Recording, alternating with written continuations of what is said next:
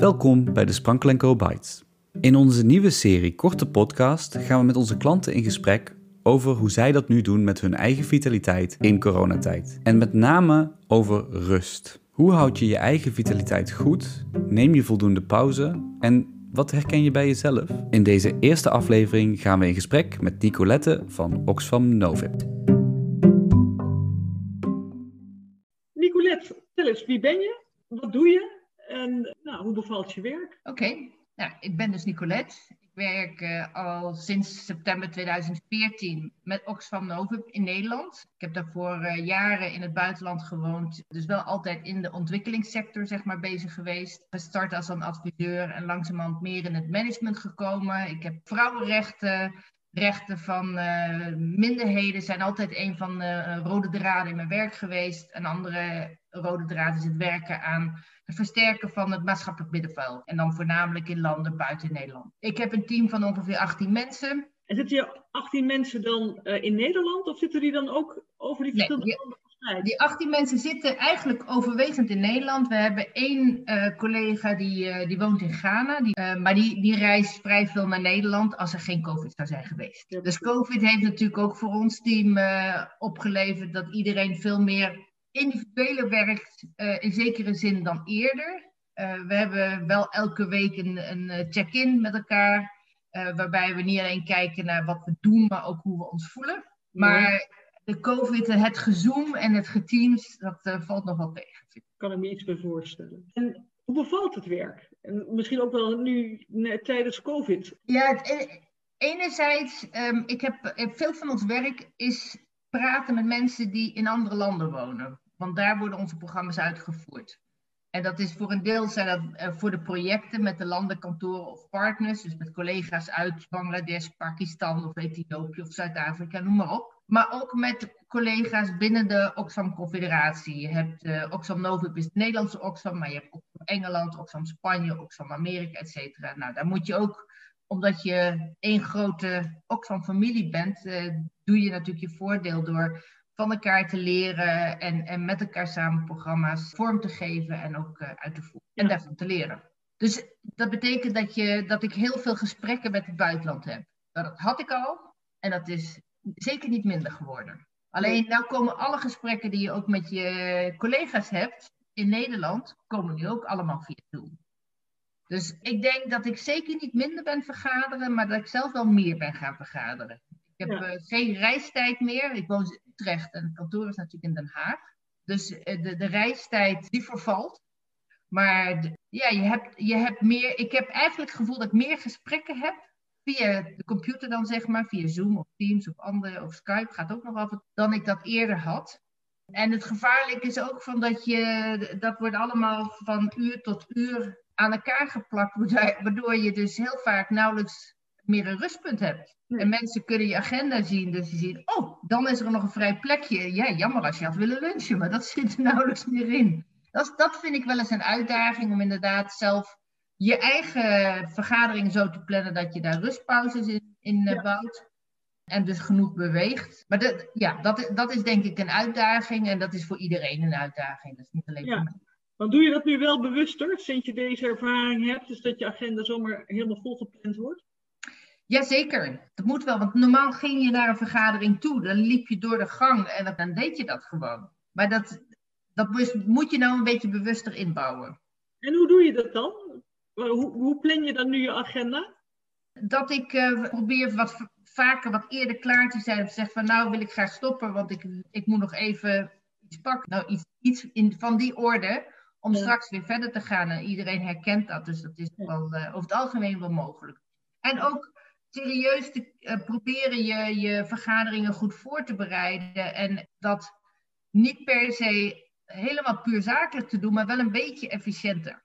En hoe doe je dat dan? Goed uh, nadenken van tevoren wat je uit de vergadering wil halen en dat ook zo goed mogelijk voorbereiden. Een goede vergadering zit hem in de voorbereiding. Als je met z'n, met z'n allen moet beginnen op het moment dat de vergadering begint, dan vind je daar al een heleboel tijd aan.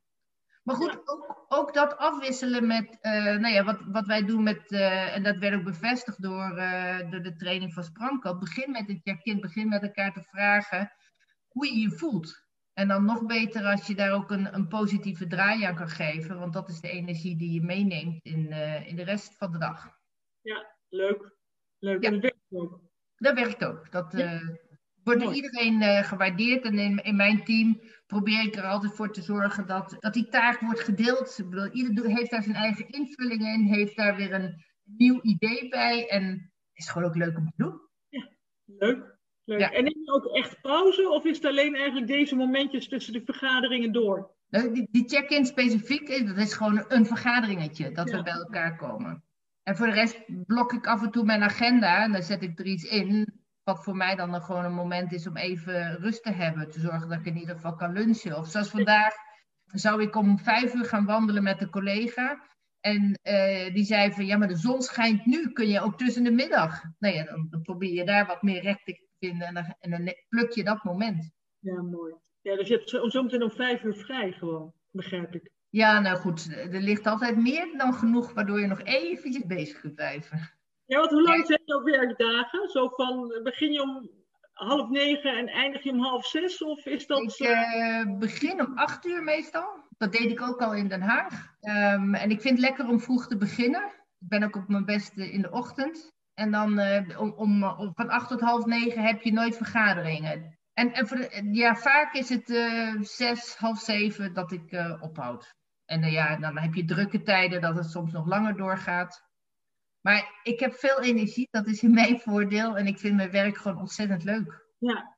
En dat geeft een boel energie. Dat klopt. En verwacht je dat dan eigenlijk ook stiekem van je medewerkers? Of maak je daar onderscheid tussen? Wat je van jezelf. Oh, daar maak ik zeker onderscheid in. En ik doe ook wel heel bewust. zeker niet iedereen heeft dezelfde energie. Dus dat betekent ook dat je, um, zeker als teamleader, moet je proberen om, om de grenzen te helpen bewaken van een ieder. En de een, iedereen vindt het moeilijk om nee te zeggen tegen taken. Dus ik moet, ook, ik moet allereerst al een balans uh, zien te vinden tussen dat wat, wat ik aanneem van voor mijn team zijnde en wat ik, uh, waar ik anderen bij wil vragen en, en wat niet. Ja. Ik ben zeker in deze coronatijd dat gewoon echt heel veel mee, meer energie van een ieder vraagt. En zeker als je kinderen thuis hebt. Um, om eerder te zeggen van nou dat gaan we niet doen. En in sommige gevallen ga ik vragen van nou wat denk je?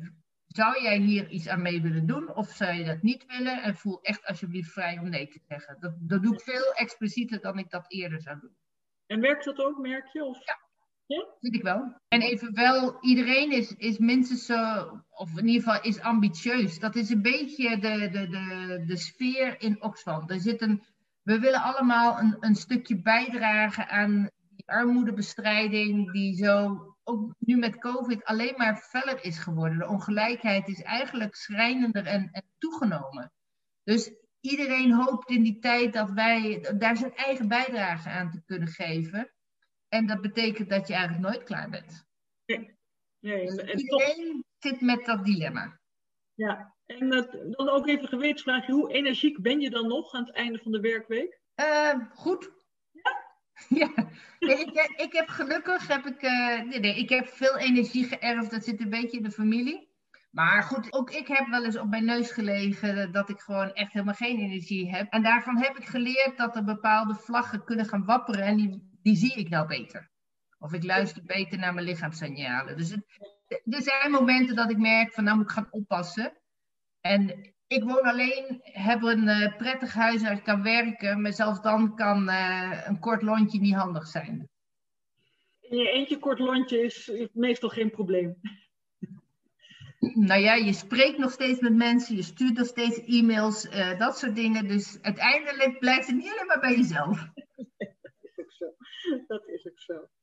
Maar mooi. Goed, dankjewel. Dankjewel voor dit gesprek.